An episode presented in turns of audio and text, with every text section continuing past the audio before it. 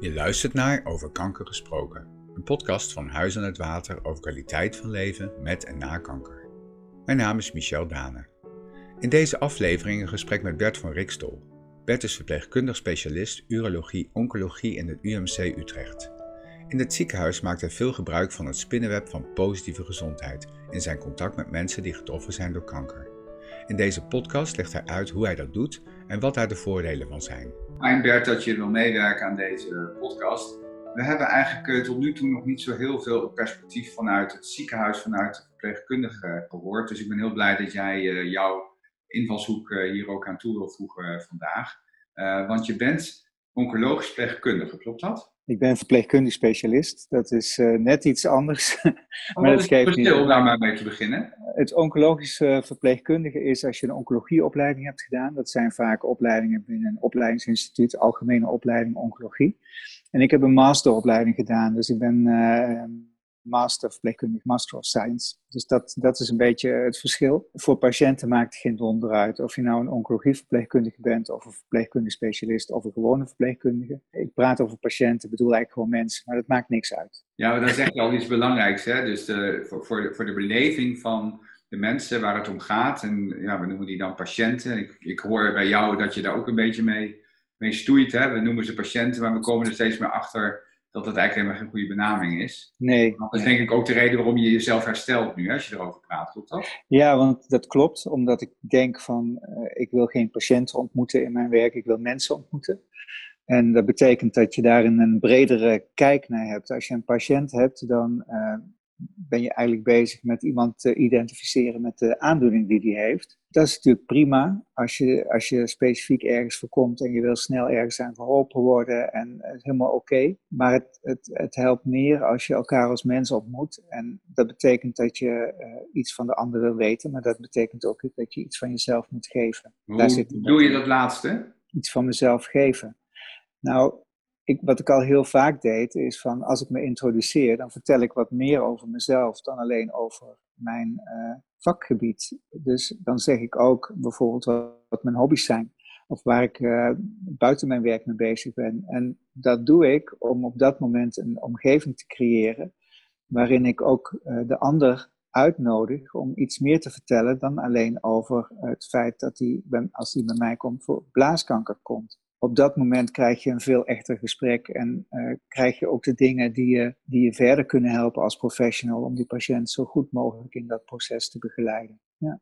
Oké, maar als ik dan heel even aan de andere kant ga zitten, dan uh, zeg ik van ja, maar deze persoon die heeft gewoon een probleem, die heeft blaaskanker en ja. die heeft, heeft toch maar één focus op het moment dat hij het ziekenhuis binnenkomt en dat is uh, gewoon help mij van, van, ja. van, dit, van deze kwaal af, of deze ziekte. Ja. Dat klopt. En dat is natuurlijk ook de insteek waarmee je het ziekenhuis inkomt. Dus je wordt doorgestuurd door de huisarts en vervolgens kom je op de polykliniek urologie terecht en zeggen wij van nou, dit en dit zou de beste optie zijn om jou van blaaskanker te genezen. Er zijn heel veel opties voor. Ja. En vervolgens ga je een traject in, wat, uh, wat een paar maanden uh, tot jaren kan duren. Dat is niet iets wat jij aan het begin van het traject al weet, maar ik wel aan de andere kant. Dus dat betekent dat we elkaar uh, in die aantal maanden elkaar verschillende keren tegen zullen komen. En ook verschillende momenten uh, in dat proces zullen beleven met elkaar. En dat betekent voor mij ook dat ik meer wil weten dan alleen, nou, dan alleen de ziektegeschiedenis. Omdat ik denk, als je moet revalideren na een operatie, na een ingreep, dan wil ik wel adviezen kunnen geven die passen in jouw leven als jij zegt tegen mij van ja, luister, ik hou van boeken lezen, ik zit de hele dag op de bank en dat is mijn interesse, dan moet ik vooral niet beginnen over ga naar de sportschool toe. Uh, dan moet ik dus op een hele andere manier in gaan steken. En um, dat betekent dus dat ik echte informatie nodig heb.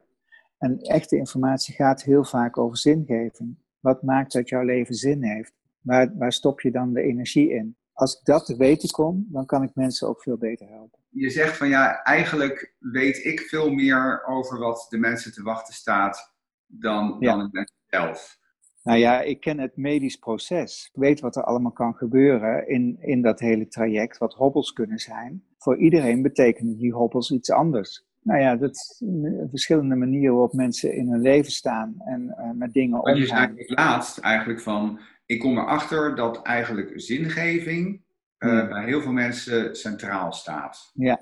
Kun je daar iets meer over zeggen, hoe dat eruit ziet met de mensen waar jij uh, bij Nou, ik kan, je, ik kan je wel een voorbeeld geven. Wil je mij misschien vertellen, wat, uh, wat is jouw grootste passie in jouw leven? Mijn passie, ik zou zeggen, naast mijn kinderen, muziek. Muziek. Oké, wat we heel vaak doen in een ziekenhuis is uh, dat we focussen op uh, beter worden. En dan word je opgenomen en dan mag je geen muziek luisteren.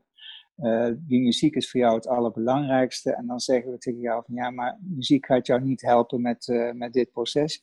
Jij moet gaan bewegen. Dat betekent dat we totaal niet luisteren naar wat voor jou van belang is en wat voor jou betekenis geeft. Als we het hebben over muziek, speel jij muziek? Speel je een instrument? Ik zing in een band. Je zingt in een band. En, en reis je daar ook mee? Ben je daarmee actief? Uh, nou ja, iets... buiten coronatijd stonden we regelmatig op het podium, ja. Ja. Lastig, hè? Ja. Maar dat betekent dat jouw lijf iets nodig heeft om goed te kunnen zingen. Dat betekent dat je ademhaling goed moet zijn. Als ik uitga van het feit dat jij wil zingen, uh, betekent het dat we ontzettend gaan letten uh, hebben het over blaaskanker, hebben het over het weghalen van een blaas en dus een grote wond in je buik, waardoor je eigenlijk je buik op slot zet. En als ik ga zeggen dat het goed is om vanuit je buik ademhaling te doen, dan zeg je nou oké, prima. Maar als ik zeg het helpt jou om weer uh, sneller te kunnen gaan zingen, dan zul jij intrinsiek gemotiveerd raken om iets te gaan doen met die buikademhaling. Ja. Iets wat, als ik dat niet zou weten, dan zou ik het veel meer hebben over technische dingen. Dat het goed is voor je longen om te ontplooien en weet ik het niet allemaal. Maar het raakt jou niet, omdat ja, je kan het effect en dat, soort dingen is allemaal te objectiveren. Ja, ja. Daar kan je van alles mee. Ja. Maar het, de essentie is dat jij weer wil gaan zingen. En eigenlijk zo snel mogelijk, want dat helpt jou te genezen in een breder ja, perspectief. Je hebt, het, uh, je hebt het in heel korte tijd heel persoonlijk gemaakt. En ik moet zeggen, uit eigen ervaring, het komt meteen over wat je bedoelt. Ik begrijp het. Ja. Dus voor ja. mij is die vraag beantwoord. Ik hoop voor de ook. Want iedereen kan natuurlijk zijn eigen voorbeeld daarop plakken. Ja. Met, met mij deed. En, Ga naar je guilty pleasure toe, hè. Dat is uh, vaak waar je de zingeving uithaalt. En guilty pleasure is, uh, ja, dat is voor iedereen anders. Daarom is het ook interessant om dat met elkaar te delen. Dus jij bent eigenlijk op zoek naar de guilty pleasure van de mensen met wie jij in het ziekenhuis Ja, wel netjes houden, hè? Nou ja, jij begint erover. ja, ik ben wel op zoek naar dat soort dingen. Wat mensen raakt, hè? Het is ja. wat mensen belangrijk vinden. Ja. Waar ze ik, van... had, ik had uh, van de week had ik een mevrouw die wilde bijvoorbeeld uh, niet goed revalideren. En iedereen vond dat ze uit bed moest en dat ze moest gaan bewegen. En, uh, maar er was niemand in gesprek geweest. Op het moment dat het gesprek plaatsvindt, vertelde ze me dat ze thuis een beetje een valse hond heeft. En uh, die hond, die, uh, ja, daar moet ze de hele tijd op letten. Daar is een beetje angstig voor. Ze is ook bang dat dat beest tegen haar aanspringt. Dus eigenlijk wilde ze liever niet naar huis nu. Wat ze dus deed, is zichzelf in bed, in de veiligheid van een bed, de cocon uh, neerleggen. En in feite niet de, de situatie aangaan die complexer was voor haar. Dus het feit dat ze misschien die hond even tijdelijk in asiel kon doen, of dat ze bij een dochter kon stallen, of, dat hebben we allemaal met haar besproken. En op een gegeven moment werd ze uh, actief, kreeg ze de regie terug. Van, ik heb zelf een bepaald uh, belangrijk deel in hoe ik ga genezen. En dat gaat verder dan de motivatie van u moet uit bed komen. Oké, okay. dus een heel concreet voorbeeld van hoe je eigenlijk door de mensen echt te kennen en echt te luisteren ja. aan een oplossing werkt die, die ook echt... Uh, het moet passen. Past, hè? Ja. ja.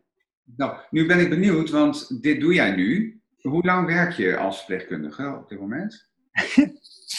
Uh, vanaf 1982. Nee, 38 jaar. Heb je dan altijd met deze inslag gewerkt? Of is ik een... denk het wel. Ik denk het wel. Ik denk alleen, weet je, ik geloof heel erg in uh, dat je wordt wie je bent op een gegeven moment. Hè? Dat uh, naarmate het leven jou meer, dat je meer leven leeft, dat je ook steeds meer jezelf gaat worden daarin. En dat het mij nu ook veel makkelijker afgaat dan 38 jaar geleden ook in een andere tijd waarin patiënten echt patiënt waren en zo lang mogelijk in bed moesten blijven liggen en vooral niet mochten bewegen en weet ik wel niet allemaal.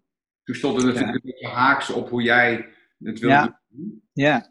Nou, de, de, de omgeving veranderd voor je in het ziekenhuis? Ja, die omgeving is zeker veranderd. En um, ik denk dat we nu steeds breder aan het kijken zijn naar behandelingen. Dus niet alleen dit kunnen we met uw lichaam doen, we halen er dat uit of we stoppen er dat in en dan gaat het weer oké. Zo werkt het niet. Daar zijn we ons steeds meer van doordrongen. En in de eerste lijn, en de eerste lijn bedoel ik dan de, de huisarts, de fysiotherapeuten thuis, uh, de psychologen, de mensen die uh, in inloophuizen werken. Dat is eerste lijn. Uh, weet men dat al veel langer. Dat is al veel langer bekend dat als het echt ertoe doet, dat mensen gemotiveerd zijn om meer uit zichzelf te halen en weer de regie op te pakken. In ziekenhuizen is het echt een behandelcentrum waarin we de kwaal genezen. Uh, maar ja, die kwaal genees je alleen maar als iemand er later dan daarna ook weer mee om kan gaan. Dus dat, uh, dat zijn dingen die uh, daarin een rol spelen. Je ook daar een inhaalslag te maken eigenlijk. In Absoluut. Wordt ja. Ja. En heb je het idee dat dat, dat dat goed is gegaan de afgelopen jaren, die inhaalslag? Nou, er zijn steeds pogingen gedaan, zal ik maar zeggen, uh, om daar veel meer uh, mee te gaan doen.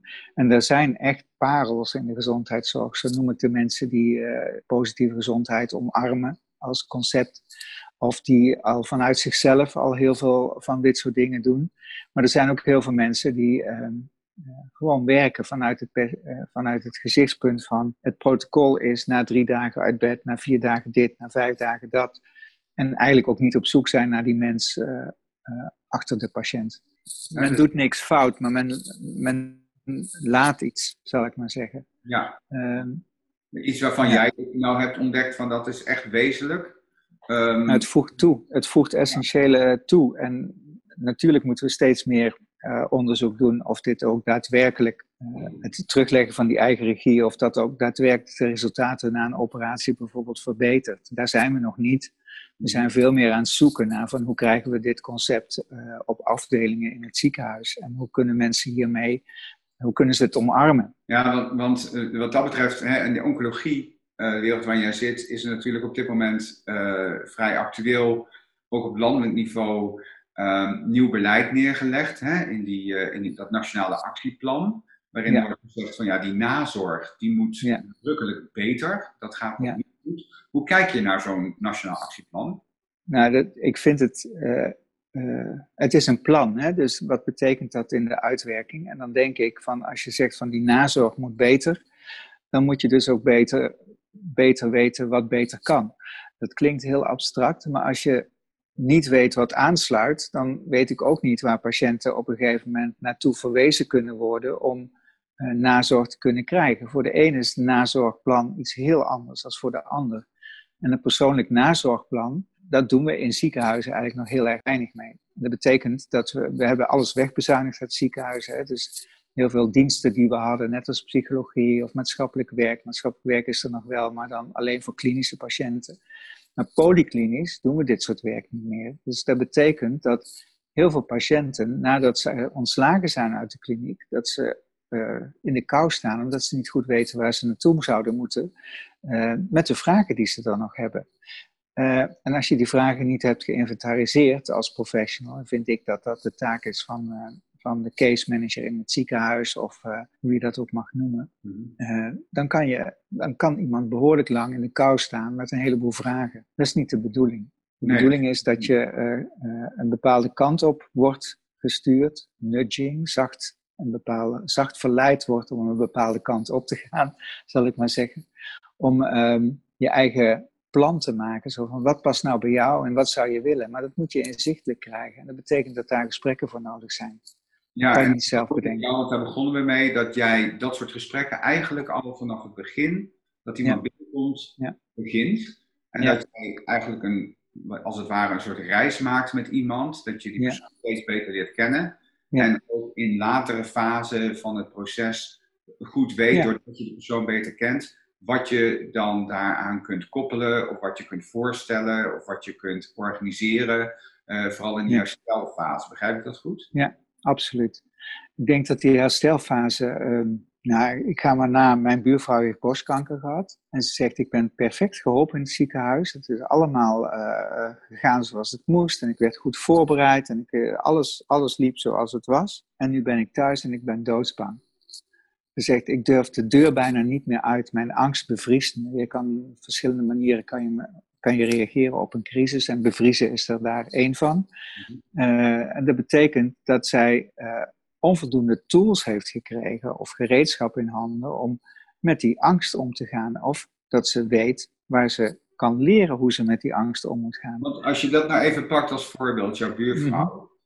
ja, ik maak het altijd heel concreet. Ja, nee, dat, dat werkt ook heel goed als je het ja. concreet maakt. Maar dan pak ik hem gewoon terug. Dan zeg ik, oh, in een ideale wereld, als we het echt hebben georganiseerd zoals het naar jouw opvatting zou moeten, hoe zou het dan zijn gegaan voor deze buurvrouw?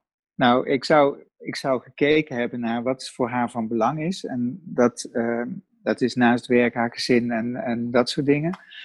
Uh, op dat moment waarop we uh, als professional ik met haar in gesprek zou zijn gegaan, zou ik zeggen, wat doet dat toe voor jou? En hoe ga je dat in de toekomst thuis weer op gaan pakken? En je zal dit en dit en dit gaan tegenkomen. Als er gesneden wordt in je lichaam, dan heb je een veranderd lichaamsbeeld.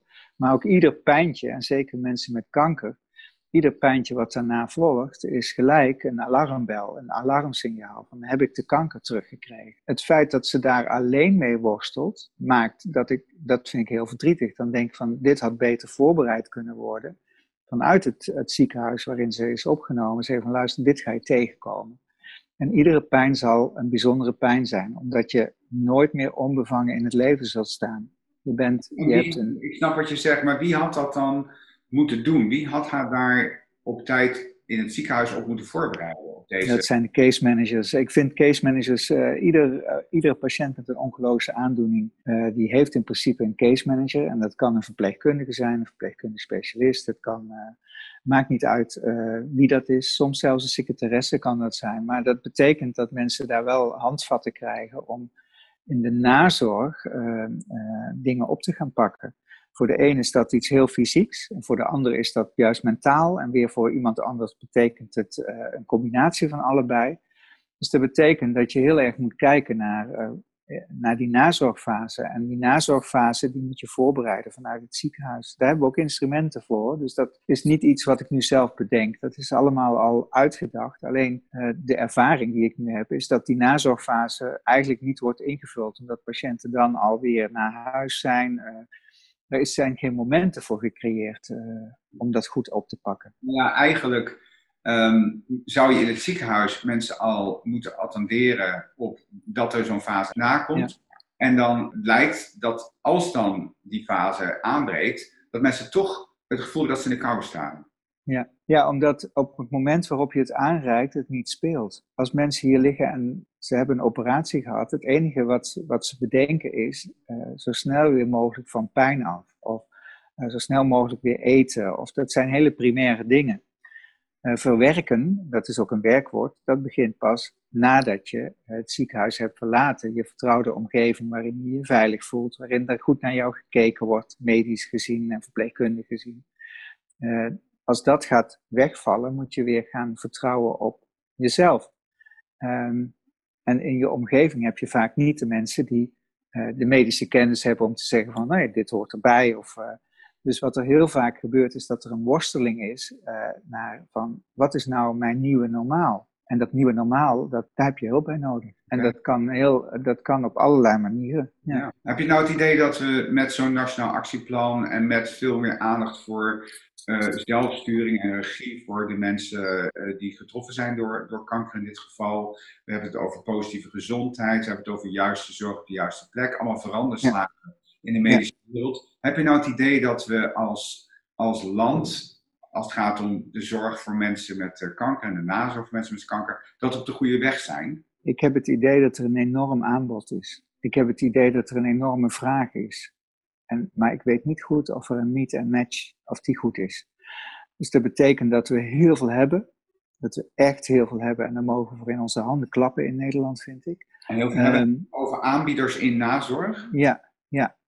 Ik vind alleen dat we, um, en er is heel veel vraag naar, maar wanneer uh, koppel je een patiënt, een mens, aan een professional of aan een, een vrijwilliger of hoe, hoe vindt dat plaats? En um, dat is denk ik waarop positieve gezondheid zo'n goed instrument voor mij is. Dat dat heel duidelijk maakt van wat heb je nou echt nodig? Wat heb jij nou nodig om jouw situatie te verbeteren? Dat is ook een van de vragen die die ik steeds stel in, in het hele concept. Zo van mensen vullen een, een spinnenweb in. Dat klinkt heel abstract, maar dat zijn de zes dimensies van positieve gezondheid. En daar zit meedoen in, daar zit zingeving, kwaliteit van leven, fysieke mogelijkheden. dat zijn de dingen die daarin dagelijks functioneren zit erin die daarin van belang zijn, die besproken worden. En als je van jezelf al ziet van hé, hey, hier, hier ben ik goed in en dit is wat ik zou willen verbeteren, dan kun je ook samen in gesprek gaan over hoe je die verbetering dan voor jezelf ziet en wat jij nodig hebt om tot een verandering te komen. En als je die patiënt of mens in zijn gedachtegoed zet van ik heb de regie, ik mag het zelf bepalen en ik bepaal wat ik nodig heb, zal hij ook veel meer gestimuleerd en gemotiveerd zijn om de juiste professional of de juiste vrijwilliger of in zijn eigen omgeving te gaan zoeken. Want ik denk dat het echt in de eigen omgeving plaats moet vinden. Ik denk niet... Dat is dan de juiste zorg op de juiste plek, hè? Ja, ja. Want, want dat, dat is wel uh, boeiend wat je nu zegt. Dat je aangeeft van ja, maar als je de patiënt of de persoon waar het om gaat meer bewust maakt van wat hij echt nodig heeft, dan kun je hem eigenlijk meer regie in handen geven, zodat hij zelf de juiste zorg kan ja. vinden. Maar dan ben je er nog niet hoor. Dan ben je er nog niet. Want dat betekent ook dat de zorgkaart, het zorglandschap, voor die patiënt in die regio goed in beeld moet zijn gebracht. Wat is daar allemaal? Wat zit er allemaal in? En hoe kan die patiënt dat vinden? Als je het aan de professional overlaat, dan zal die zeker met preferred providers, ik, ik noem een term dat betekent dat waar we altijd al zaken mee doen, daar blijven we zaken mee doen. En er komen eigenlijk weinig. Ja, van iedereen, dat iedereen persoonlijk heeft van dat zijn de partners waar ik graag mee werk. Hè? Ja, dus dat betekent dat als je, als je dat maar in je portefeuille blijft houden en niet benieuwd bent van wat is er nog meer in mijn regio en hoe kan ik daar een aanspraak op doen. Ik vind het heel moeilijk om als professional uh, grip te krijgen op wat er allemaal het aanbod is. Omdat het sterk verandert, de kwaliteit kan ik niet meten. Ik, weet je, dat zijn van die uh, van die moeilijke dingen. Ik denk wel dat, eh, dat als een patiënt eh, geholpen wil worden, dat hij dat wil vanuit de veiligheid van waar hij is. Dus de veiligheid van het ziekenhuis op zoek wil gaan naar wat passend is bij hem of haar. Daar zijn ook onderzoeken van na die dat bewijzen. Hè, van patiënten gaan niet vanuit zichzelf op allerlei websites kijken, want dan komen ze de meest bijzondere dingen tegen. En wat ook niet vaak niet passend is. Dus ze willen eigenlijk een advies vanuit het ziekenhuis waarvan ze zijn. En het ziekenhuis uh, zegt, mijn ziekenhuis zegt, ja, maar dat weten, we weten niet wat er allemaal is. Dus moeten wij alles weten hè, vanuit de eerste lijn? Wat betekent dat dan? Wat betekenen al die veranderingen en wijzigingen die iedere week uh, er doorheen gaan? Of moeten we patiënten goed door kunnen verwijzen naar nou ja, goede tools? Hoe kunnen ze erachter komen? Ja. En ik ben meer voor dat laatste, want het eerste krijg ik nooit onder controle. Dus dat betekent. Er nog wel iets heel belangrijks ook daarvoor: van ja, de focus bij uh, de patiënt, noem ik het toch maar even zo, in het ziekenhuis, is vooral ja. uh, dat overleven hè, en dat ja. beter worden.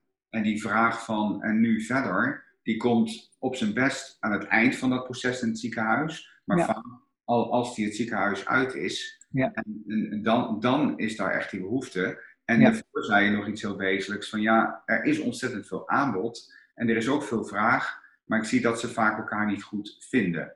Ja. Dat niet een match had je het over. Want ja. daar ben ik dan benieuwd naar, als je zegt ja, ze vinden elkaar niet, eh, dan zeg je ja, er is heel veel behoefte. Maar ik ben ook wel even op zoek naar die mensen die dan uit het ziekenhuis komen en, en eigenlijk voor zichzelf helemaal niet zo helder hebben. Ze weten alleen, ja, het gaat niet heel lekker nog. Ja. Maar wat is mijn vraag nou eigenlijk? Ja, maar dat is dus als je geen mensen tegenkomt die dat met jou gaan doorakkeren, zal ik maar zeggen. Als je in het ziekenhuis komt en je komt bij je case manager voor controle en die zegt hoe gaat het met u? En jij zegt, nou, het gaat allemaal wel goed. En vervolgens laat je het daarbij, dan zul je nooit achter uh, de gedachten komen die iemand heeft. En als ik het spinnenweb op tafel leg, zeg nou, het gaat goed met jou, vul het eens in voor ja. jezelf. En kijk eens naar die gebieden, die deelgebieden, en kijk eens wat je zou willen veranderen daarin. En op het moment waarop we over veranderen praten, dan gaat het over wat de persoon zelf zou willen veranderen. Niet wat ik als verandering zie. Kijk, jij kan positieve gezondheid, het spinnenweb gaat over cijfers geven van 0 tot 10 voor een bepaalde dimensie.